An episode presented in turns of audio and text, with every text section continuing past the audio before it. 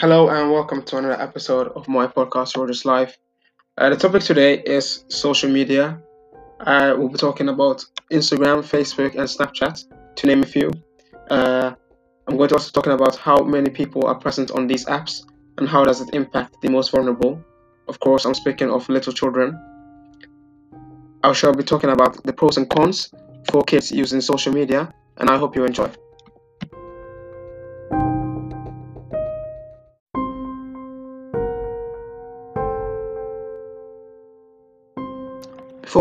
I debate the pros and cons, I just wanted to give some quick general facts and information about social media. Social media is defined as computer based technology that facilitates the sharing of ideas, thoughts, and information through the building of virtual networks and communities. By design, social media is internet based and gives users quick electronic communication of content. This really started to kick off during the early 2000s it started with MySpace, evolved through Facebook, and is now very prevalent in our daily lives, with Snapchat and Instagram to name a couple.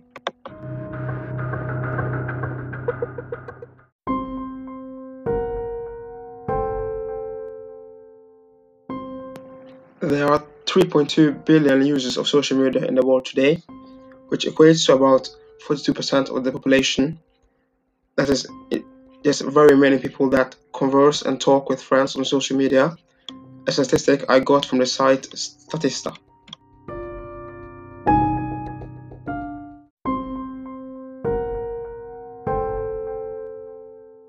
Studies show that people actually spend nearly two hours every day at least on social media. With over 2.3 billion active monthly users, Facebook remains the most widely used social media platform today. The company has existed since 2004 when it was founded by Mark Zuckerberg.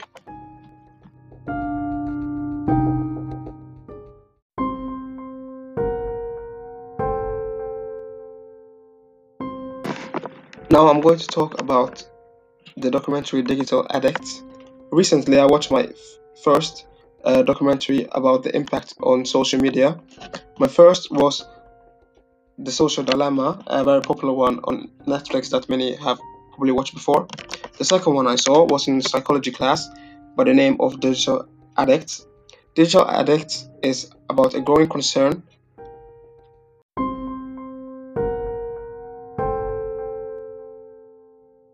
Dr. Anneliese DeCuna has for children's screen exposure.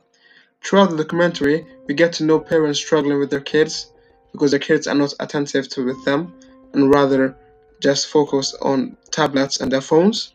And we also get to see what makes social media addictive. This made me ask myself whether social media actually helps kids or harms them.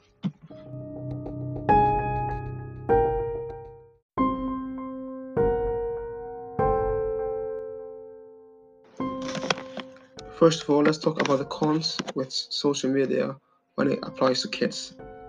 According to a study by NGO Common Sense, American children below 8 years spend more than 2 hours a day behind a screen.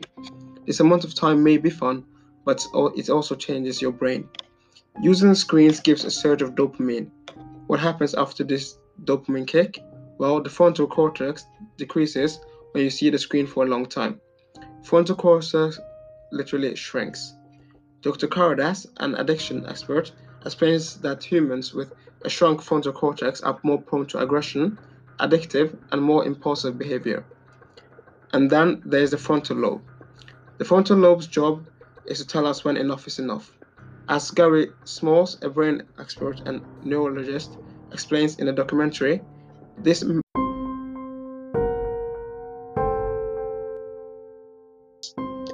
This mechanism, however, is weakened by other urges.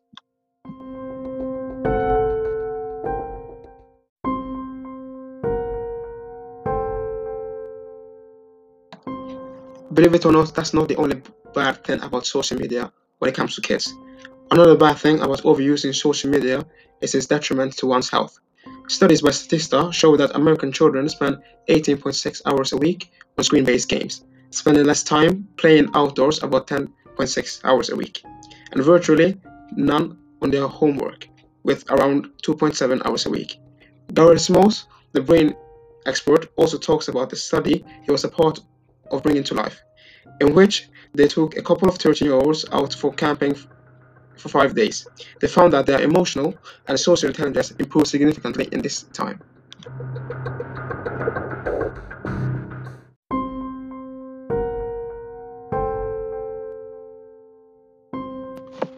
Now, after talking about the cons with uh, social media when it comes to children, I will have to talk about the pros. Um, there are not only negative sides to social media, because as with all things in life, uh, social media use is more nuanced than black and white. So, a positive thing with social media when it comes to uh, kids is collaborative learning. Your child can use social media to share educational content, either informally or in formal school settings. Uh, this can be seen in schools too, where some schools use a tablet to help aid in children's education. The internet can be a dangerous place, but there is also very many good educational videos and platforms to learn. I can even use myself as an example. Through quarantine, I became in love with the YouTube channel Crash Course and TED-Ed, even using it for quick and informative lessons within history and literature.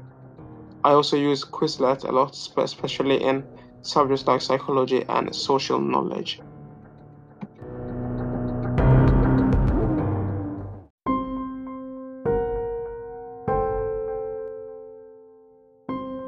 Now, creativity is another reason for allowing children to use their phones and tablets.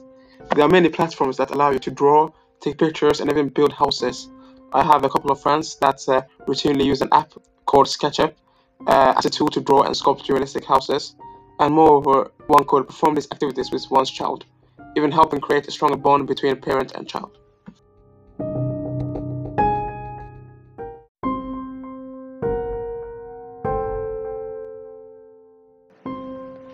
So those were the cases for both pros and cons with uh, social media when it comes to children. As for whether social media is good or harmful for children, it's not a black and white issue and therefore there is no clear answer. But I will say every parent should be following a couple of guidelines. I'm certainly not a parent yet, but if I was, there would be a limit to how much my child could spend in front of a screen especially because physical activity is very important. I would also be checking all the privacy settings and making sure my child will be safe from the horror, horrors on the internet. And most of all, I would communicate about how to act and conduct yourself whilst on the internet. Being behind the screen does not make you invincible, but rather vulnerable.